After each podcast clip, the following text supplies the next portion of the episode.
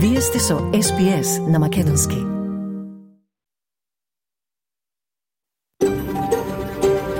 SBS, a world of difference. You're with SBS Macedonian on mobile, online, and on radio.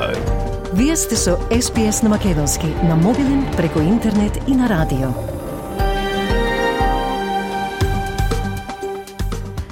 СПС им одава признание на традиционалните собственици на земјата, народот Варанджери Woi на нацијата Кулен, минати и сегашни и од чија земја ја иметуваме програмата за 18 септември. Добар ден, со вас е Маргарита Василева. Повестите подетално за острата реакција на македонците во Албанија по бугарската кампања наречена Бугарите во Албанија. Како и обидите на македонското МНР да ги охрабри сите македонци во Албанија слободно да ја изразат својата етничка припадност на пописот што почнува денеска. Е од домашните теми продолжуваат кампањите за и против референдумот за домороден глас до парламентот, а опозицијската министерка и лидер во кампањата не, Джасинта Нампиджимба Прайс, пофалена од опозицијскиот водач како храбра, откако излезе со тврдење дека нема негативни влијанија од колонизацијата. Но поши обширно на оваа тема подоцна во програмата. А кон крајот успешно ново поглавје за романот Надеж на македонскиот автор од Австралија Ване Николовски, чие дело сега може да се чита и на англиски јазик благодарение на издавачката куќа Остен Маколи со седиште во Лондон. Ќе то знаете повеќе од разговорот на Милчо Јовановски.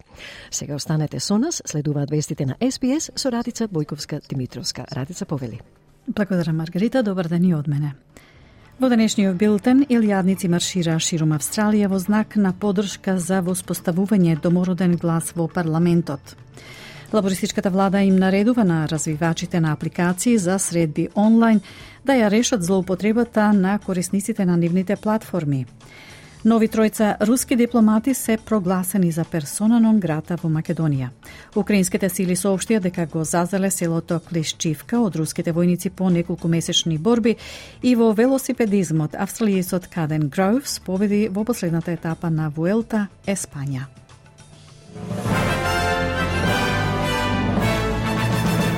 Јадници австралици вчера, 17 септември, излегува на собери ширум земјава за подршка на воспоставување домороден глас во парламентот. Подржувачите на предлогот маршираа низ главните градови на државите и во регионалните градови на Австралија пред референдумот на 14 октомври. Кампањата да го засели своето присуство, откако минато неделна анкета покажа дека предлогот за уставно пропишено советодавно тело веројатно ќе биде отфрлен, пето поред истражување овој месец што откри гласачи против промената. Министерката за животна средина Тања Плиберсек присуствуваше на еден таков собир во Сиднеј.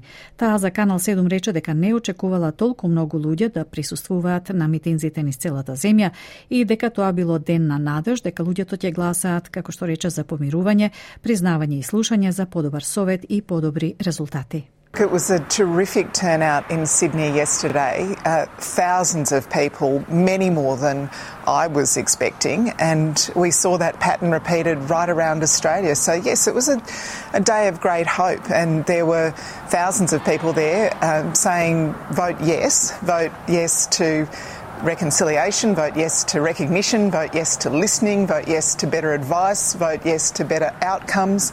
That's why they were there.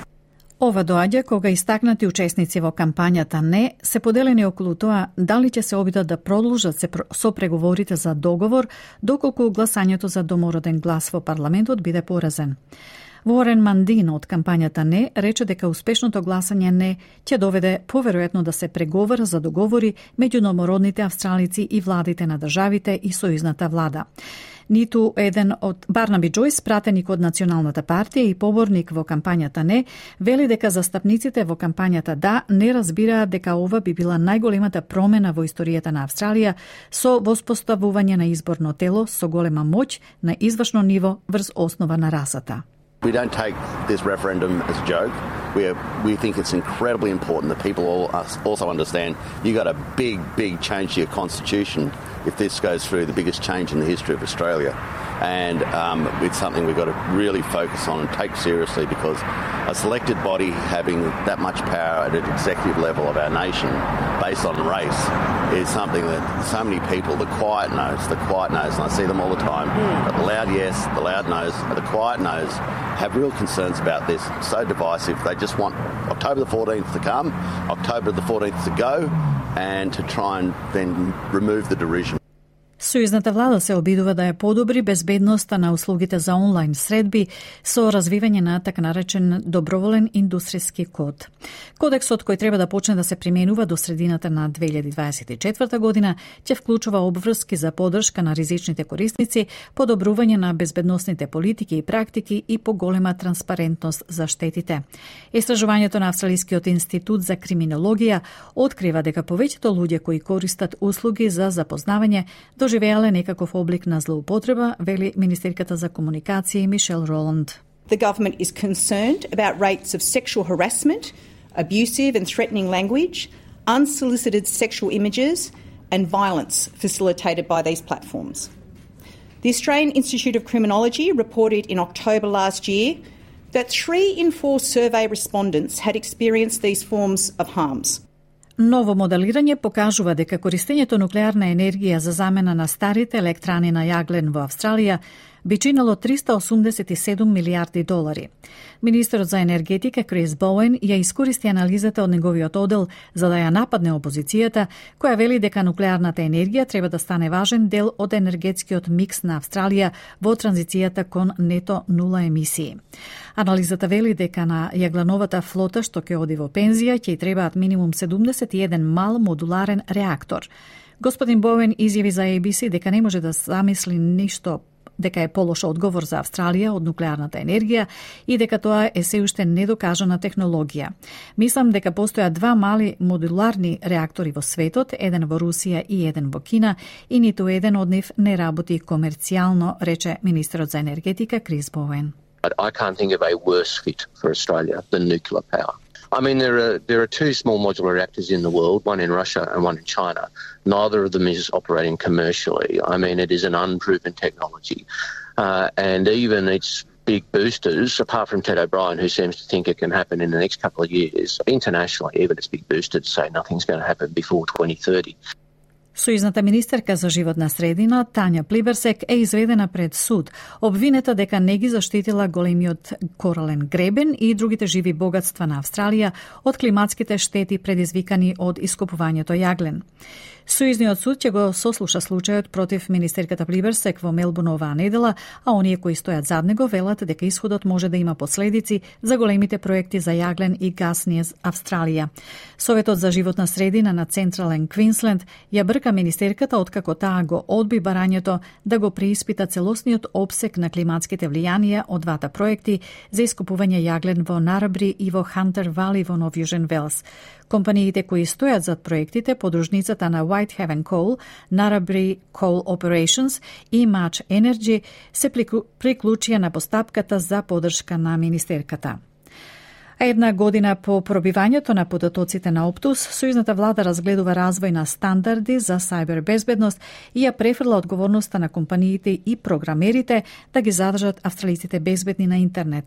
Министерката за внатрешни работи Клер Онил изјави за ABC дека сајбер безбедноста е голем проблем за националната безбедност за Австралија и укажа на слични закони во странство кои обезбедуваат апликациите и програмите да имаат вградена заштита, наместо тоа да го оставаат One of the things that we've seen in countries around the world who are perhaps a bit ahead of us, who have got a bit of a head start on the cybersecurity challenge, is that they are starting to develop standards for how products need to be cyber secure before they can be sold.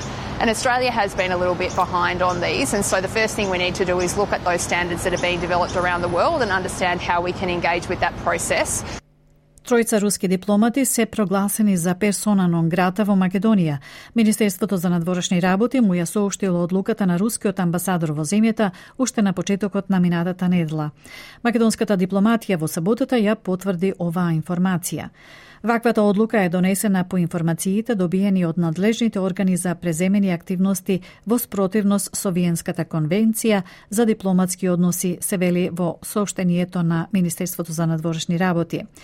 Информациите од МНР се појавија откако руската амбасада во Македонија на социјалните мрежи потврди дека се протерани тројца дипломати, пошто следеше остра реакција од руското МНР. Портпаролката Захарова рече дека тоа е непријателски и неодговорен однос на властите во Скопје, кој што нема да биде оставен без одговор. А во меѓувреме порталот Религија МК објави дека забрана за влез во Македонија добил и рускиот архимандрит Васијан Змеев, кој важи за шеф на руското црковно подворје во Софија, кој изминатава година имал интензивни посети на Македонија и за честени средби со високи представници на Македонската православна црква Охридска архиепископија. Тој ја имал улогата на координатор на руската црковна политика на Балканот, со особено влијание во Бугарија и во Македонија, Според неофицијални информации на порталот, негова заслуга бил застојот во односите со Вселенската патријаршија за целосно признавање на автокефалноста на Македонската православна црква Охридска, Охридска архиепископија. Украинските сили соопштија дека го зазеле селото Клишчивка од руските војници по неколку месечни жестоки борби.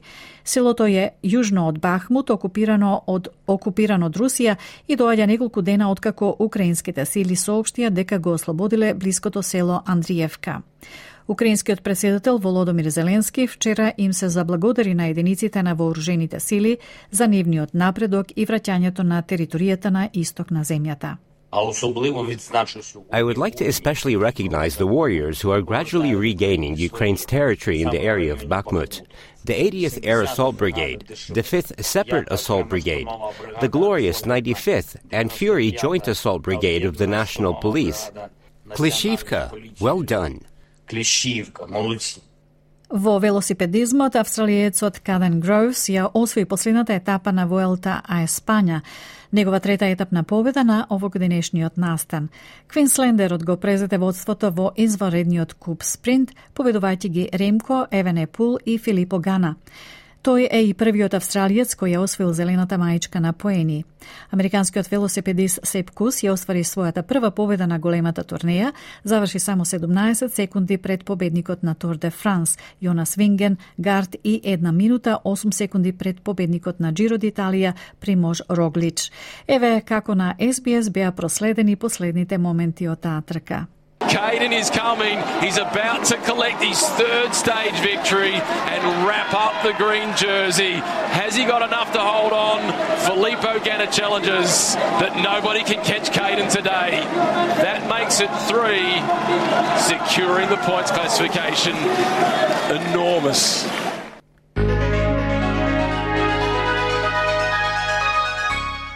Од најновата курсна листа, денеска еден австралиски долар се менува за 0,6 евра, 0,64 американски долари и 36,88 македонски денари, додека еден американски долар се менува за 57,36 македонски денари, а едно евро за 61,13 македонски денари.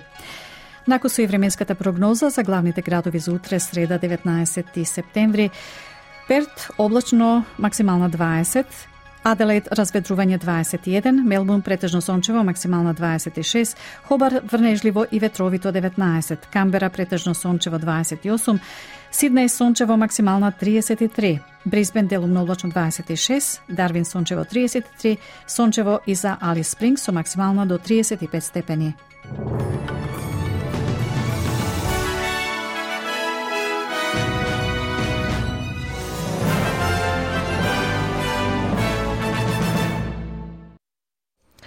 Благодарам Радица, време е сидници да ја изведат летната гардероба.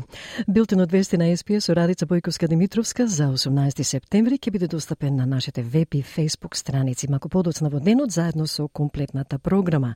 Со вас е Маргарита Василева до крајот на програмата. Останете со СПС Audio на Македонски за уште неколку прилози.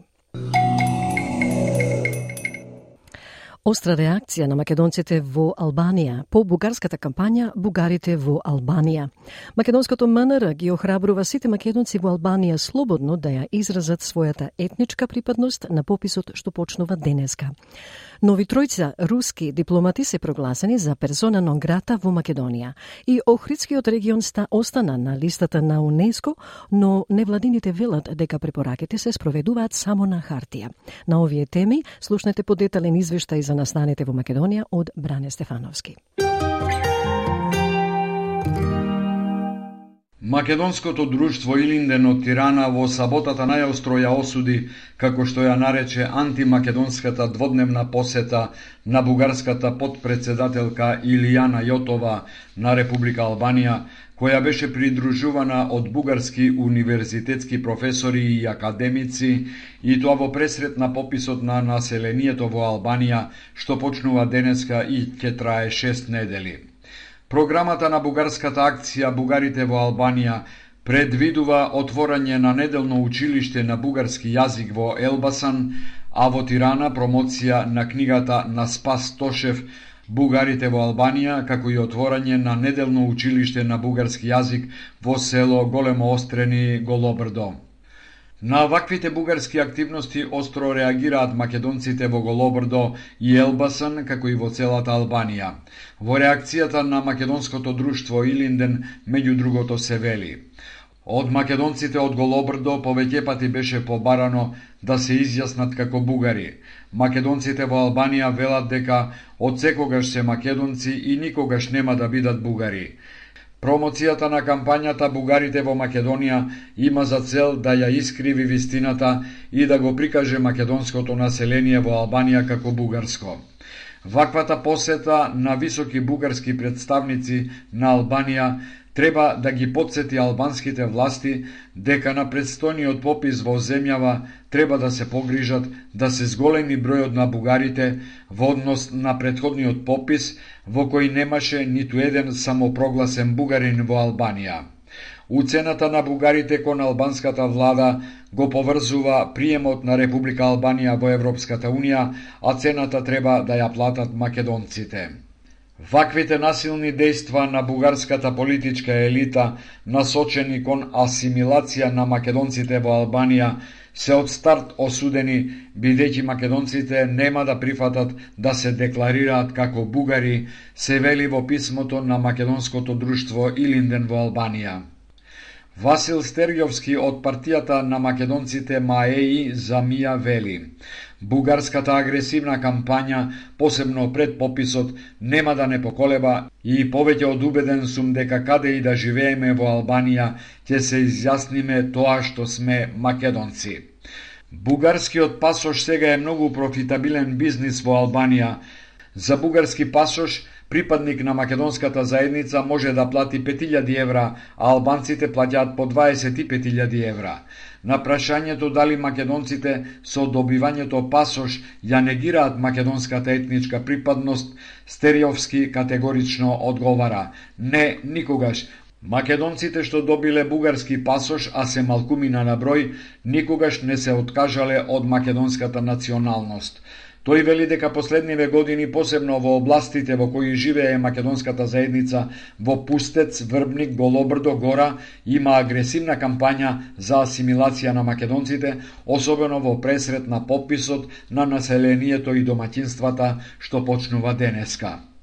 Двајца познати активисти за правата на македонците во Албанија, Панди Јани од Пустец Мала Преспа и Едмонд Османи од Требиште Голобрдо, ги повикаа македонците во оваа земја да не подклекнуваат под никаков притисок и да се изјаснат така како што единствено се македонци пренесува мија. Јани кој беше кандидат за градоначалник на Пустец на последните избори во мај годинава, вели дека местото редовно го посетуваат бугарски емисари, Исто така Јани подсетува на постојната албанска статистика дека ова е 12-ти попис на населението во Албанија и дека на изминатите 11 ниту еден граѓанин на Албанија не се изјаснил како бугарин, но затоа има македонци, грци, роми, египтјани, власи, бошњаци, срби, црногорци и други. Македонското Министерство за надворешни работи во саботата ги охрабри сите македонци во Албанија слободно да ја изразат својата етничка, јазична и религиска припадност во согласност со законската регулатива и позитивната демократска практика во Албанија на пописот. Во пораката се вели, препознавајќи ја улогата на македонците како лојални граѓани на Албанија, предстојниот попис ќе им овозможи преку слободно изразување на својот идентитет да ја потврдат со тоа и собствената етничка, јазична, религиска и идентитетска припадност. Со тоа и дополнително ќе се потврди улогата на македонската етничка заедница во Албанија во градењето мостови на пријателство меѓу двете држави, се вели во пораката на Манара. Во пораката уште еднаш се додава дека македонските институции ќе останат во интензивна комуникација со представниците на македонската етничка заедница во Албанија, исто како и со институциите на Република Албанија, меѓу другото и за прашањата што ги засегаат идентитетските прашања, се наведува во пораката на македонското Манара. Тројца руски дипломати се прогласени за персона нон грата во Македонија. Манара одлуката му ја соопштило на рускиот амбасадор во земјава уште на почетокот на минатата недела. Македонската дипломатија во саботата ја потврди оваа информација. Во неа се вели, на 12 септември во Министерството за надворешни работи беше повикан амбасадорот на Руската Федерација кому му беше врачена дипломатска нота со која тројца дипломати во амбасадата на Руската Федерација во Скопје беа прогласени како непожелни во државата. Ваквата одлука е донесена по информациите добиени од надлежните органи за преземени активности во спротивност со Виенската конвенција за дипломатски односи се вели во сообштението на МНР. Информациите од МНР се појавија откако руската амбасада во земјава на социјалните мрежи потврди дека се протерани тројца дипломати, пошто следеше остра реакција од руското МНР. Портпаролката Захариева рече дека тоа е непријателски и неодговорен однос на властите во Скопје, кој нема да биде оставен без одговор. Порталот Религија МК објави дека забрана за влез во Македонија добил и рускиот архимандрит Васијан Змеев, кој важи за шеф на руското црковно подворје во Софија, кој изминатата година имал интензивни посети на земјава и зачестени средби со високи представници на Македонската православна црква Охридска архиепископија. Тој имал улога на координатор на руската црковна политика на Балканот со особено влијание во Бугарија и во Македонија. Според неофицијални информации на порталот, негова заслуга бил застојот во односите со Вселенската патриаршија за целосно признавање на автокефалноста на МПЦОА. Неодамна и шефот на државата Пендаровски за ТВ24 кажа дека македонските служби имале информации од партнерите во НАТО дека има налепени руски елементи и тоа во највисокото раководство на Синодот кои соработуваат со руските служби. Ова не е прво протерување на руски дипломати од земјава. Во март и април минатата година Два пати за персона нон грата беа прогласени вкупно 11 руски дипломати. Охридскиот регион остана на листата на УНЕСКО, но невладините велат дека препораките се спроведуваат само на хартија. По одлуката на Комитетот на УНЕСКО во Ријат дека Охридскиот регион останува на листата Светско природно и културно наследство, струшките граѓански активисти велат дека спроведување на препораките има само на хартија. Сме многу загрижени во делот како како државата се однесува преку преку нашето езер. Не знаеме што не чека. Значи не сте јасни многу и не знам, не се консултирани експертите што се што се бават со таа работа со речиси години. Одлуката следи откако УНЕСКО во својот извештај во 2021 година детално ги наведе сите неправилности околу грижата и заштитата на Охридското езеро и во Македонија и во Албанија. Доколку сакате да слушате прилози, посетете ја нашата Facebook страница SPS Macedonian или нашата веб страница sbs.com.au Macedonian. Таму ќе најдете интервјуа и видеоклипови на разни теми, а извештајот на Бране Стефановски ќе биде достапен во вечерните часови. По неколку информативни пораки од SPS ќе преминеме и на локални теми што ги подготвивме за денеска, а подоцна ќе чуеме повеќе за македонски роман кој сега може да се чита и на англиски јазик од авторот Ване Николовски од Австралија. Останете со SPS Audio на македонски, со вас е Маргарита Василева. Федералната министерка за домородните австралици Линда Берни вели дека многу луѓе од првите нации се вознемирени и згрозени од коментарите на незиниот политички противник во врска со доаѓањето на британските доселеници во земјава. Но опозицијската министерка и лидер во кампањата Не, Джесинта Нампиджимпа Прайс, беше пофалена од опозицијскиот водач како храбра, откако таа излезе со тврдење дека нема негативни влијанија од колонизацијата. Повеќе од прилогот на SPS News од Ана Хендерсон и Кјара Хейн, што на македонски го подготви Радица Бојковска-Димитровска. Дебатата за референдумот за воспоставување домороден глас во парламентот открива длабока политичка поделеност во врска со културата и историјата на Австралија. Министерката за домородни австралици Линда Берни вели дека незината канцеларија била преплавена со расистички злоставувања во последните месеци. Опозицијската министерка за домородни австралици Джасинта Нампиджимпа Прайс вели дека имала слично искуство.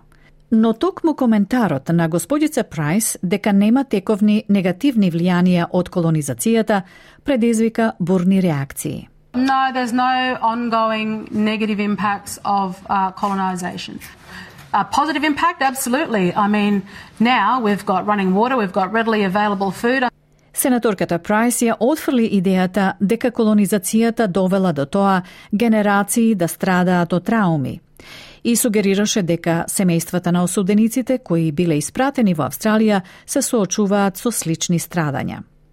Министерката Берни вели дека е огорчена од коментарот на сенаторката.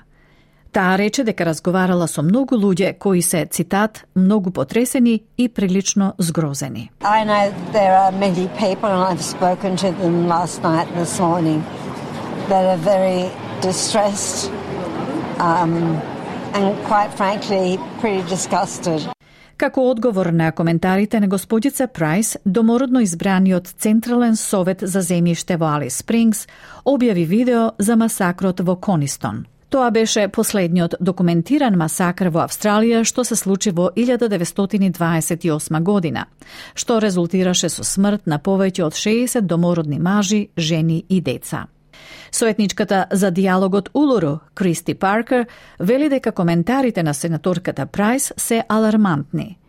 И додава дека ако има враќање од веќе прифатените вистини, цитат, ние сме во голема неволја. If we're at the stage where now we are walking back um, accepted truths about the history of this country, um, I think we're in a lot of trouble. Но друг водечки активист на кампањата Не, Уорен Мандин, изрази подршка за сенаторката Прайс. Тој рече дека за генерацијската траума се зборува премногу и доколку се верува во тоа, тогаш еврејскиот народ кој излегол од Холокауст, цитат, бележел во фетална положба на земја и не би можел да го изгради Израел или да ги направи другите работи што ги постигна во светот. I find this interesting in regard to colonization trauma uh, going through generations after generations and they talk about trauma Well, if, you, if you're to believe that, then the, the Jewish people who come out of the Holocaust would be laying on a, in a fetal position on the ground and not have been able to build Israel, not been able to, to, to do the things that they have done in the world. Uh, so I think this is overrated. I think they talk about it a lot. Опозицијскиот лидер Питер Датон не ги повтори коментарите на господице Прайс, но рече дека таа има право да ја каже незината поента. Тој ја нарече храбра домородна жена и нагласи дека треба да се прифати широк обсек на мислења, а не како што сака левицата да се слушаат само мислења на луѓето како што е Марсија Ленгтон, но не и мислењата на домородните луѓе од десната страна како што е Джесинта Прайс. If you look at what uh, Jacinta had to say in context, uh, firstly, she's a brave Indigenous woman, and uh, we either accept that uh, people have views, uh, uh broad range of views, uh, or, we don't. Uh, the left just say, well, we can only listen to people like Marcia Langton, but Indigenous people uh, on the right, like uh, Jacinta Price, we can't listen to. Размената на мислења за расизмот и расата ќе се пресели во заедницата уште 4 седмици, бидејќи парламентот оди на пауза пред да се одржи гласањето на 14 октомври. И двете кампањи апелираат тоа да биде со почит, но постои и страв дека нацијата може да заврши многу подалеку од померувањето. Сеопфатни информации за референдумот може да најдете со посета на порталот SBS Voice Referendum на sbs.com.au косацртичка Voice Referendum. А вашето мислење за референдумот е добре дојдено на нашата Facebook страница, драги слушатели. Повелете и оставете порака и ние ќе ги прочитаме коментарите и во нашите емисии под услов тие да бидат конструктивни, а не навредливи. Ќе бидат вклучени коментари за и против референдумот кој ќе се одржи на 14 октомври, за кој ќе имате можности да изберете да гласате и пред 14 октомври. Ако сте личност која ги следи кампањите на двете страни на референдумот за домороден глас до парламентот, сакаме да дознаеме кое е вашето мислење и како ќе гласате. Вие сте со програмата на Македонски на SPS Audio, а со вас е Маргарита Василева. Продолжуваме со актуелности од Австралија. Кралскиот австралиски коледж за општи лекари вели дека потребни се повеќе средства за да помогне во справувањето со пациентите кои имаат проблеми со менталното здравје. Повикот доаѓа пред големата светска конференција во октомври, на која ќе се разговара за решение за тоа како обштите лекари можат најдобро да обезбедат грижа за менталното здравје. Прилогот за SPS News го подготви Киара Хейн.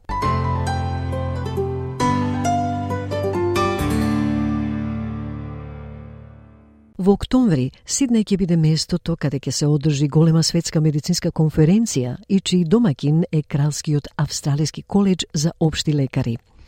На конференцијата ќе има повеќе од 800 презентации и работилници за проблемите на обштите лекари, вклучително и менталното здравје.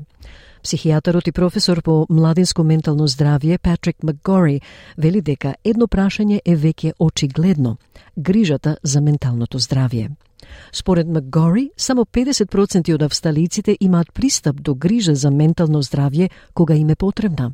Тој вели, таа грижа често се одложува и пристапот е блокиран, а квалитетот на таа грижа за менталното здравје е далеку под она што треба да се очекува во богата земја како што е Австралија во споредба со грижата за ракот, вели тој. We are in a situation where only 50% of Australians have access to mental health care when they need it. It's often delayed and uh, access blocked. And the quality of that mental health care is, is, is well below what we should expect in, in a rich first world country like Australia, if we compare it to, say, cancer care. Секој петти возрасен австралиец доживува ментална болест секоја година, а многумина се подпираат на нивниот локален општ лекар за поддршка. Graham Cohen е основачки директор на одборот на денот Are You OK Day. Тој вели дека во повеќето случаи општите лекари се првата точка кај кој луѓето се свртуваат за разговор. Тие можат да упатат некого на психолог или за план за ментално здравје, под кој што ќе можат да добијат до 6 сесии по многу намалена цена што ја плаќа Медике. Другата клучна улога што ја играат општите лекари, вели Коен, е тоа што можат да му помогнат на некого да разговара и да разјасни спротивставени информации. Vast majority cases, they're the first point that someone will speak to. And they can refer someone to a psychologist and they can refer them for a mental health plan, which means that they get um, up to six sessions at a much reduced price, paid for by uh, Medicare.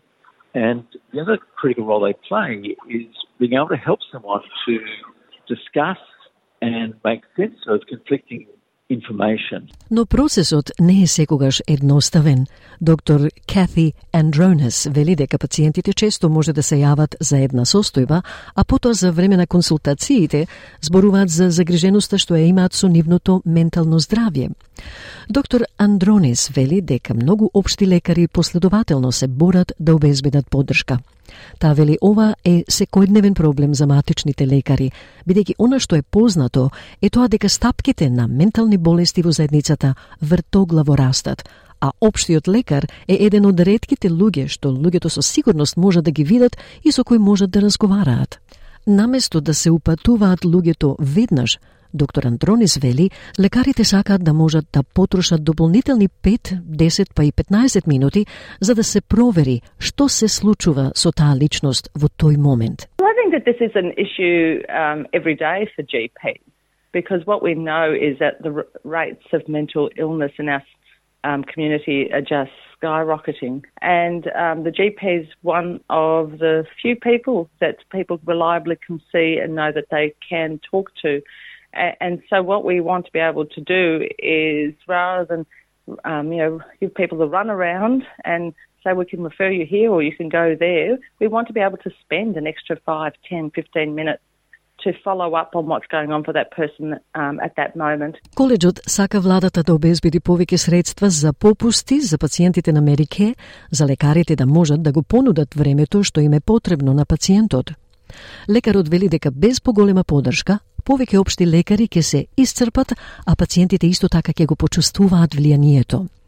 Доктор Андронис вели доколку владата не помогне да ги поддржи општите лекари да ја вршат својата работа подобро, пристапноста на матичните лекари во оваа земја ќе продолжи да опаѓа како што веќе значителниот проблем со недостигот на општи лекари во многу области веќе покажува. Лекарите не можат да продолжат да обезбедуваат високо квалитетна нега ако не се соодветно финансирани за да го направат тоа, вели доктор Андронис. The government doesn't help support GPs to do their job better. We'll find that GP um, um, accessibility in this country will just continue to plummet. We already have a significant problem with an undersupply of GPs in many areas. Even metropolitan areas are now finding that the supply of GPs has significantly reduced. People are waiting long times to get appointments. People can't just continue to be able to provide high quality care if they're not being adequately funded to do that. Повикот на коледжот за повеќе финансирање на Медике најдена поддршка кај организаторите на денот Are You OK Day. Граем Коен вели дека тоа е особено значајно поради големата можност дека ќе се појават повеќе проблеми со менталното здравје во годините што доаѓаат. Тој таквата ситуација ја нарекува втора пандемија. А една од причините за тоа, вели Коен, е што младите од помеѓу 15 и 25 години се особено погодени од пандемијата и изолацијата. Сега тие гледаат да влезат во работната сила и на универзитет, а проблемите што се појавија не исчезнуваат веднаш. Иако сега сме далеку од заклучување, вели Коен, овие прашања остануваат подмолни. Тие траат долго време, вели тој. I believe it will be the second pandemic and one of the reasons for that is that young people, 15 to 25, have been particularly affected by the pandemic and the isolation. Now, they're all looking at coming into the workforce or going to university, and the and the issues that have come up don't go away straight away. So even though we're in lockdown now, these issues are insidious and take a long time.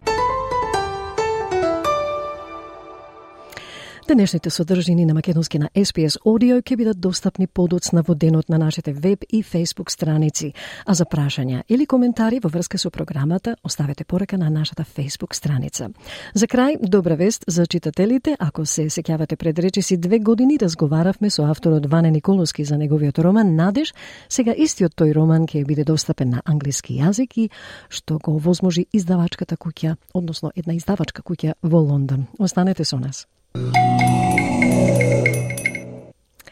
Изминатата 2022 година во Националната библиотека Григор Прличев во Охрид беше промовиран романот Надеж од Ване Николовски, кој живее во Мелбурн, Австралија, а е роден во Охрид.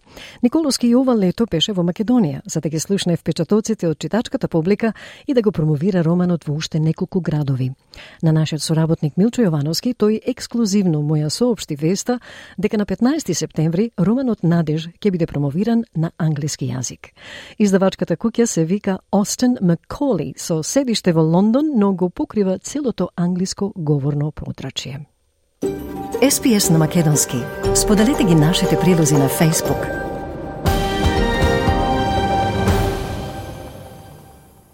Ване Николовски Надеж, книгата, романот кој минатата година беше промовиран во Охрид во нашата национална установа библиотека. Година потоа, Како гледате на ова ваше прво чедо, би рекол, пишувано? Дали го имате истото чувство како тогаш кога за прв пат ја видовте во рака вашата книга, вашиот роман? Прво да ви се заблагодарам за што ми дадавте прилика за да се сретнеме и да разговараме по таа тема и да ги поздравам слушателите. А, чувството секој пат нај највисоко чувство е во почетокот кој ќе ја добиеш книгата, тоа е неописливо. Сепак чувството останува и среќата и љубовта спрема делото што го пишуваш и приказната секој пат е чувствителна и, и сакаш да ја прошириш на што повеќе читатели низ Македонија се разбира. Може би ли накусо да го имаме сижето на романот? Од каде тргнавте, каде завршивте со него, која е поентата? Наслов на, на, на романот Надеж веќе го опишуваат во книгата се работи за надежта како највисоко чувство и во човекот и искра што го потикнува да, да, да, да живее и да споделува вредности. Приказната се работи за детенце оставено во пелени пред домот за безродители кој се вика Надеж, затоа и насловот е насловен Надеж. И е, се работи за неговото е, израснување во домот, неговото детство и младост и цел круг на случувања во неговиот живот. Романот е, е емотивен и повеќе се задржувам на на емоции во животот на тоа дете и воопшто на сите пријателчина во домот и секој пат сакам да да ги доловувам неговите емоции што ги споделуваат, а нормално и предизвиците што ги имаат низ животот во што го живее. Така да тој се соочува со предизвици, но тие предизвици ги решава со голем елан, со голема волја, и нормално дека му се случуваат и некои действија што го тераат во друга насока во животот над вредностите што животот и воспитувачите што го воспитуваат. Но сепак тоа излегува кој на приказна што многу ги заинтересира читателите, претежно тие веќе што го има прочитано романот. И така да завршува со среќен завршеток, но интересен и да докре читателите ги влече да го ги прочитаат сите 520 страници што ги поседува романот.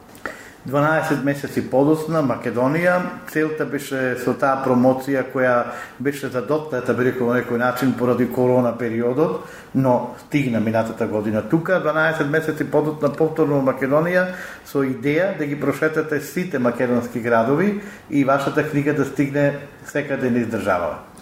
Точно така, на, романот во Македонија што го пишував е од чиста љубов, И е, секој пат е, тоа ми беше идеја и цел да го споделам во сите библиотеки ни сите градови во Македонија. Минатата година успеав да посетам доста библиотеки во прво во мојата роден крај, во мојот роден крај во Охрид, потоа бе во Битола, бев во Штип, бев во Прилеп, ова година помина во другите градови како што се Скопје, Кратово, Кавадарци, а исто така е има и во книжари во во Битола, во Скопје, во Охрид и можам да речам дека негде 80% целта што за овој краток период што сум тука веќе ја остварив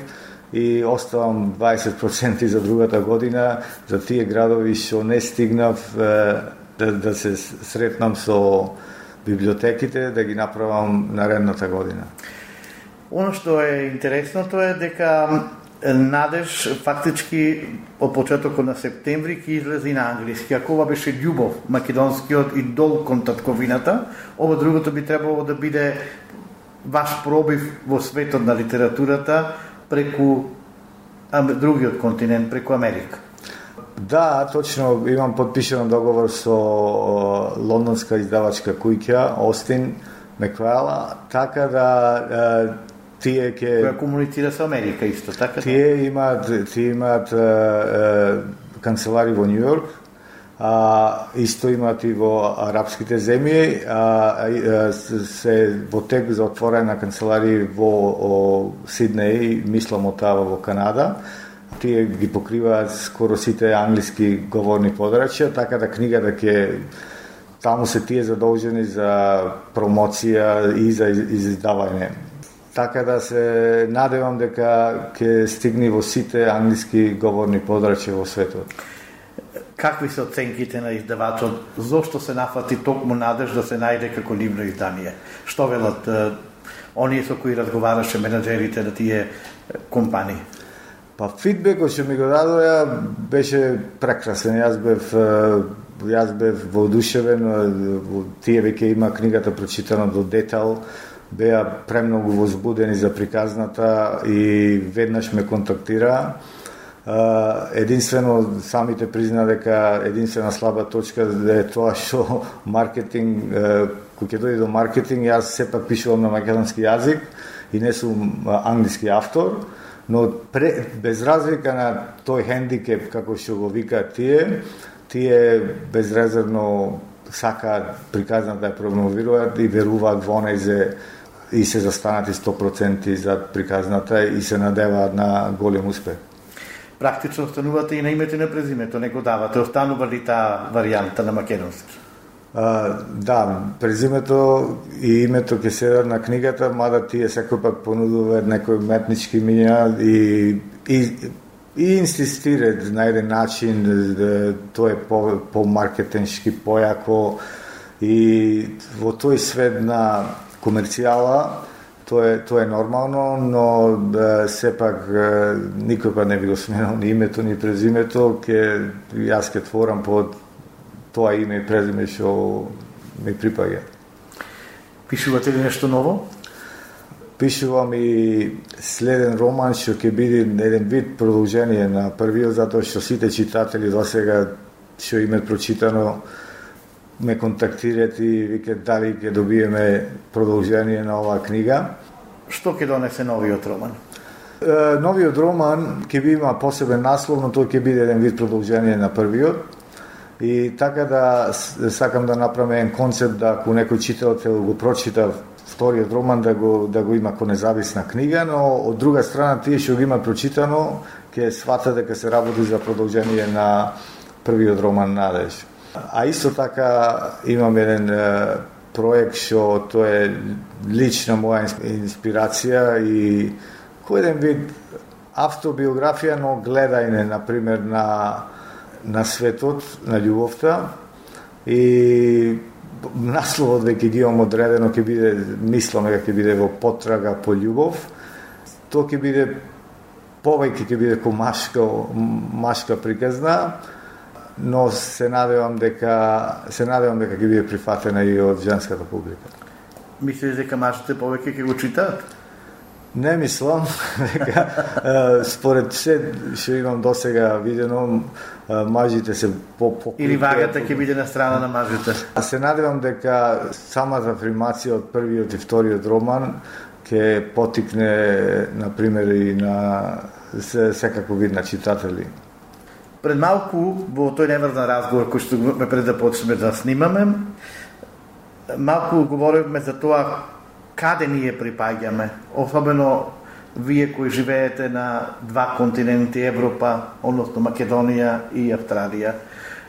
Една преубава реченица кажавте дека татковината е сметате како долг или вашите враќања се како тоа да имате некоја стара мајка тука.